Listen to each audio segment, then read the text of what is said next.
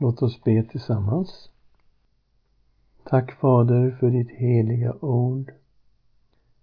Tack för din profet Jeremia. Och vi ber gode Gud att du fyller oss med helig Ande. Vi ber att du öppnar våra hjärtan och våra sinnen för dig och talar till oss från ditt ord. I Jesu Kristi namn. Amen. Ja, vi har kommit till det åttonde åttonde budskapet här i Jeremias bok. Och vi har kallat det krukmakarens exempel 18.1 till 20.18. Och vi möter här att Jeremia gick till krukmakarens hus 18.1 till vers 12. Vi ser här att Herren uppmanade Jeremia att besöka en krukmakare. Och han lade märke till att om krukmakaren misslyckades med en lerklump så började han på nytt igen tills han var nöjd. Vi läser kapitel 18, 1-4. Detta ord kom till Jeremia från Herren. Han sa, res dig och gå ner till krukmakarens hus. Där ska jag låta dig höra mina ord. Då gick jag ner till krukmakarens hus och såg att han arbetade på drejskivan. Och kärlet som han höll på att göra av lera misslyckades i hans hand. Då började han om och gjorde det till ett annat kärl så som han ville ha det. Och Gud sa att han var som krukmakaren. Han kunde forma Israel som han ville. Kapitel 18, 5 6. Och Herrens ord kom till mig, han sa Kan jag inte göra med er, ni av Israels hus, så som den krukmakaren gör, säger Herren. Som leran i krukmakarens hand, så är ni i min hand, Israels hus. Och vad han menar då, det är att ena gången så varnade Herren för sina domar. Men om folket vände om från sin synd, då gav Herren dem nåd istället och det är på så sätt han agerar som en krukmakare. Men andra gången så gav Herren sina löften till folket och om de vandrade i synd, då uteblev den utlovade välsignelsen. Vi kan titta på det här i vers 7 till 10. Ena gången talar jag om ett folk och ett rike, att jag tänker rycka upp, bryta ner och förgöra det. Men om folket som jag talat om vänder om från sin olycka, ångrar jag det onda som jag hade tänkt göra mot dem. En annan gång talar jag om ett folk och ett rike att jag tänker bygga upp och plantera det. Men om de då gör det som är ont i mina ögon och inte hör min röst, då ångrar jag det goda som jag hade sagt att jag skulle göra mot dem. Så här ser vi ju hur det handlar om att folket är som leran i Guds hand. Han har hotat med dom.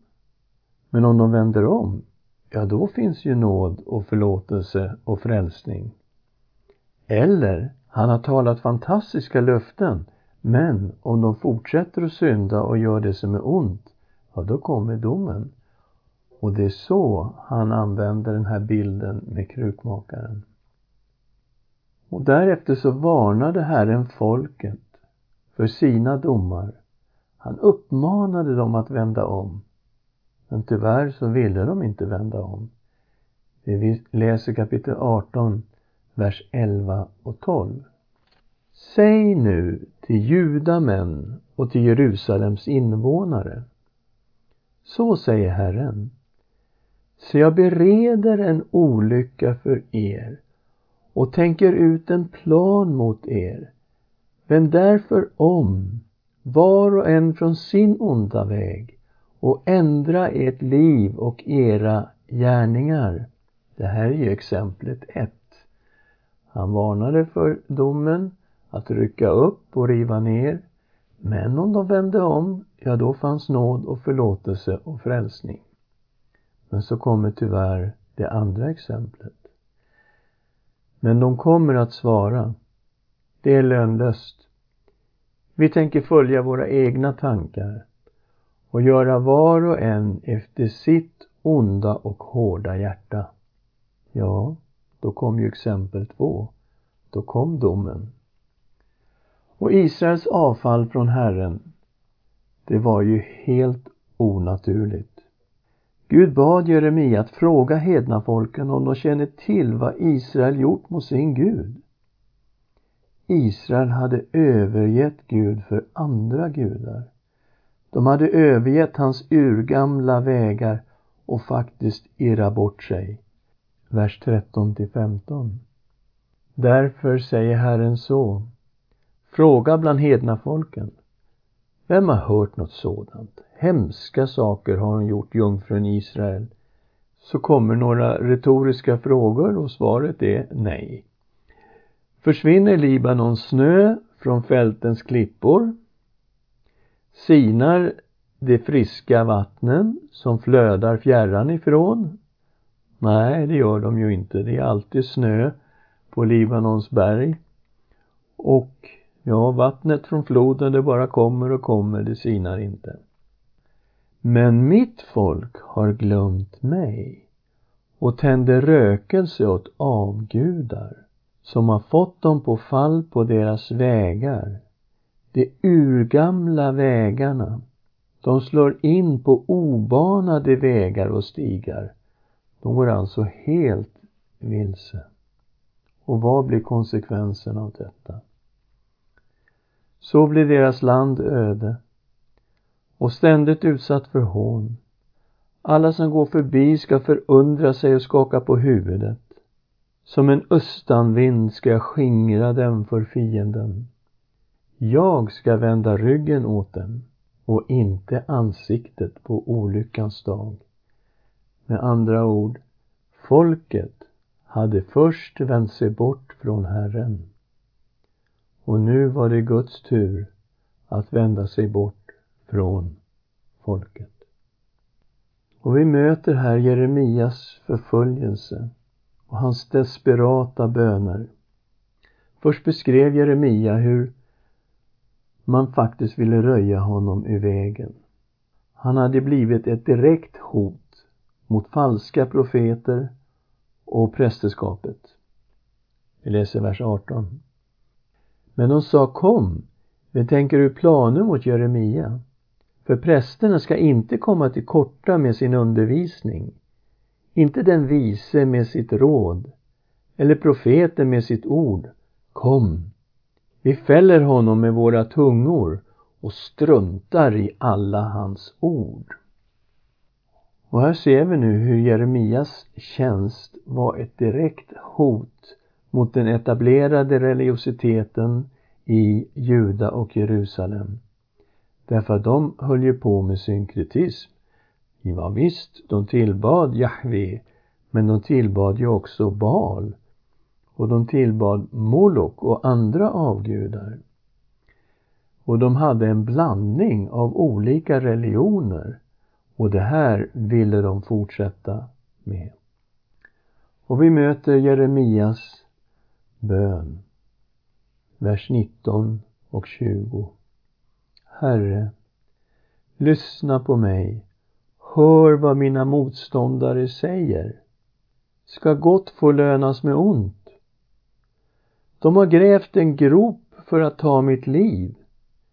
Tänk på hur jag har stått inför ditt ansikte och manat gott för dem, för att vända bort din vrede ifrån dem.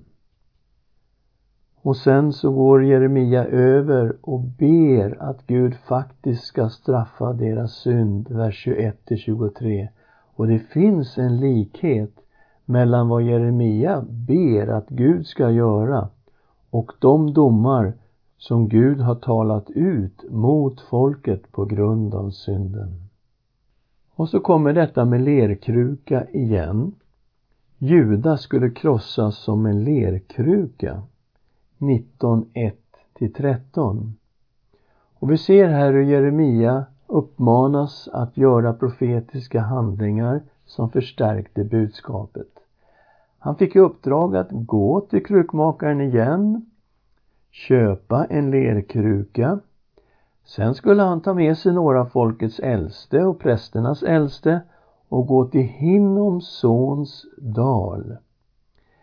I den här dalen hade man byggt upp altaren för att offra åt Bal och åt Molok. Här offrade man barn åt Bal. Och den här platsen för de här altarna kallades för Tofet. Och det ser vi i Andra Konungaboken kapitel 23, vers 10. Här handlar det om Josias reform. Hur Josia försöker rena hela landet från avguderi och vi läser i kapitel 23, vers 10. Josia orenade också Tofet i Hinnoms barns dal för att ingen skulle låta sin son eller dotter gå igenom eld till offer åt Molok. Så Tofet som vi möter också i de här texterna det är en del av Hinnoms sons dal. Vi läser vers 1 och 2 i kapitel 19 av Jeremia. Så sa Herren, gå och köp dig en lerkruka av krukmakaren. Ta med dig några av folkets äldste och prästernas äldste och gå ut i Hinnomsons dal framför lerskärvsporten och ropa där ut de ord som jag kommer att tala till dig, du ska säga. Och att den här platsen är Tofet, det förstår vi i vers 14.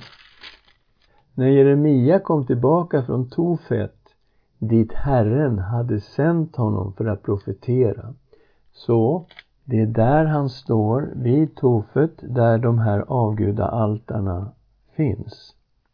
Och man förstår här att här pågick offer till Baal och till Molok. Vi läser i kapitel 19, vers 4 och 5. Hör Herrens ord, ni judakungar och ni Jerusalems invånare. Så säger Herren Sebaot, Israels Gud. Se, jag ska låta en sådan olycka drabba denna plats att det ska ringa i öronen på var och en som hör det. De har övergett mig och vanärat denna plats och där tänds rökelse åt andra gudar som varken de själva eller deras fäder eller judakungar har känt. De har uppfyllt denna plats med oskyldigt blod och byggt balshöjder för att bränna upp sina barn i eld till brännoffer åt bal fastän jag aldrig har befallt eller talat eller ens tänkt mig det. Och vi kan också läsa i det här sammanhanget kapitel 32, vers 35. Och Balshöjderna i Hinnoms sons dal byggde de upp för att offra sina söner och döttrar åt Molok fastän jag aldrig hade befallt dem göra något så avskyvärt eller ens tänkt med det, så lockade de även Juda till synd. Det vill säga Jerusalem lockade Juda till samma synd. Och Jeremia, han skulle tala Guds fruktansvärda domar över kungar och över hela landet. Han skulle krossa den här lerkrukan som han hade köpt och han skulle göra det inför allas ögon och så skulle han förkunna att det är så Juda skulle krossas. Vi läser kapitel 19, vers 10 och 11. Sedan ska du krossa krukan inför ögonen på männen som gått med dig. Och du ska säga till dem, så säger Herren Sebaot, jag ska krossa detta folk och denna stad på samma sätt som man krossar ett lerkärl så att det inte kan bli helt igen. Och sen möter vi att Jeremia får ett personligt straff av en präst, kapitel 19, 14 till 26. Jeremia fick uppmaningen att gå till ingången till templet och han skulle profetera Guds dom över Jerusalem där vid templet.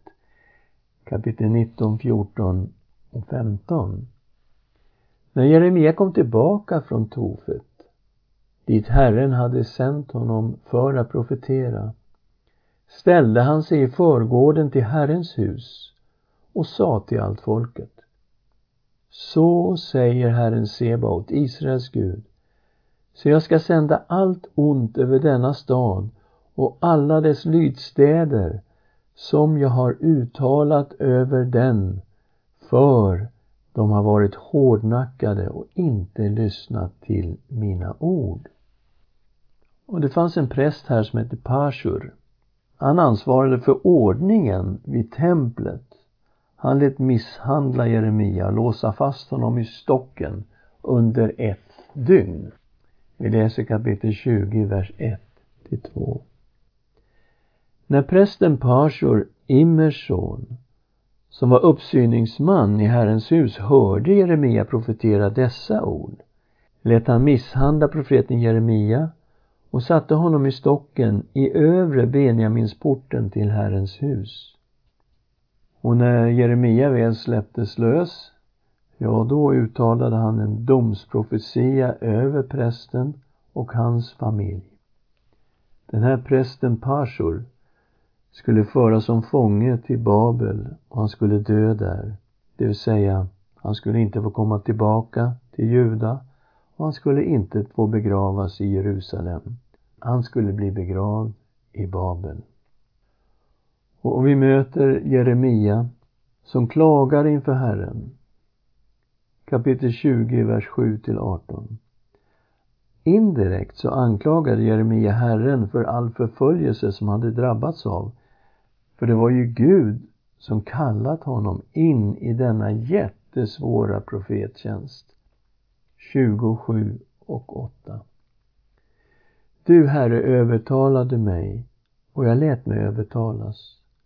Du grep mig och besegrade mig. Jag har blivit till ständigt åtlöje. Alla hånar mig.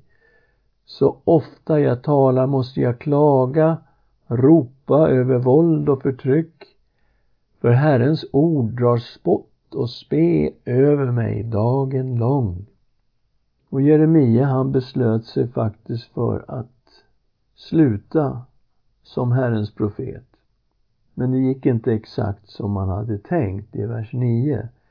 Men jag tänkte jag vill glömma honom och inte mer tala i hans namn. Då blev det som en brinnande eld i mitt hjärta, instängd i mitt inre. Jag ansträngde mig för att hålla den inne, men lyckades inte. Så Guds ord var så djupt inne i Jeremia att han inte ens kunde hålla det tillbaka. Det blev som en eld om han inte profeterade. Men i den här tjänsten så kände sig Jeremia utlämnad och ensam. Till och med hans egen släkt var emot honom, hans närmaste. Kapitel 20, vers 10. Jag hör många förtala mig. Det är skräck från alla håll. Ange honom! Ja, vi ska ange honom! Alla som stått mig nära väntar på att jag ska falla. Kanske låter han lura sig så kan vi besegra honom och ta hem på honom. Det var förtal bakom ryggen på Jeremia. Och vi kan läsa om det här med hans eget folk, hans egen släkt som vände sig mot honom i kapitel 11, vers 21 23. Därför säger Herren så om Anatots män och Jeremia han kom ju alltså från präststaden Anatot. Därför säger Herren så om Anatots män som vill ta ditt liv och säger profetera inte i Herrens namn om du inte vill dö för vår hand. Därför säger Herren Sebot så, se jag ska straffa dem. deras unga män ska dö för svärd och deras söner och döttrar ska dö av svält. Ingen ska bli kvar av dem, för jag ska låta olycka drabba Anatots män när straffets tid kommer. Och Jeremia fick mitt i den här mycket svåra situationen ändå uppleva att Herren styrkte honom precis som han lovat. Vi vet att Herren lovade detta redan när profeten kallades. Vi kan läsa det igen i kapitel 1, vers 17 till 19. Se, jag gör dig idag till en befäst stad, till en järnpelare och en kopparmur mot hela landet, mot juda kungar, dess förstar och präster och mot allt folket i landet. De ska kämpa mot dig, men inte besegra dig. För jag är med dig, säger Herren, för att rädda dig. Och vi läser också i kapitel 20, vers 11 och 12. Men Herren är med mig som en mäktig hjälte. Därför ska mina förföljare falla och inte besegra mig. De ska stå där med stor skam, för de har handlat utan förstånd. De ska drabbas av evig vanära, som inte ska glömmas. Herre Sebaot, du prövar den rättfärdige. Du ser hjärtan och njurar. Låt mig se din hämnd på dem. För jag har överlämnat min sak till dig. Och så lovsjunger profeten. Sjung till Herren, lova Herren, för han räddar den fattiges själ ur det ondas hand. Men förföljelsen var ju tung och Jeremia till och med förbannar sin födelsedag. Han tyckte det var bättre att han inte behövde födas. Vi läser vers 14 och vers 18. Förbannad är den dag då jag föddes. Låt inte dagen då min mor födde mig bli välsignad. Och vers 18.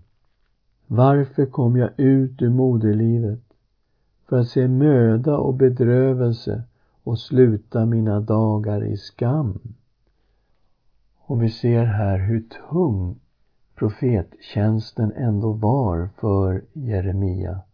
Men nu Herren reste upp honom mitt i denna bedrövliga situation och ropa ut Guds domar över Jerusalem och Juda.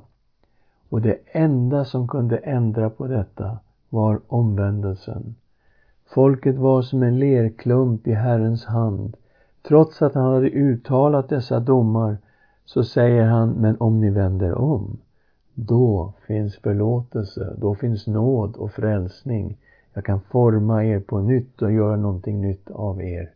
Men det var omvändelsen till Herren som var villkoret.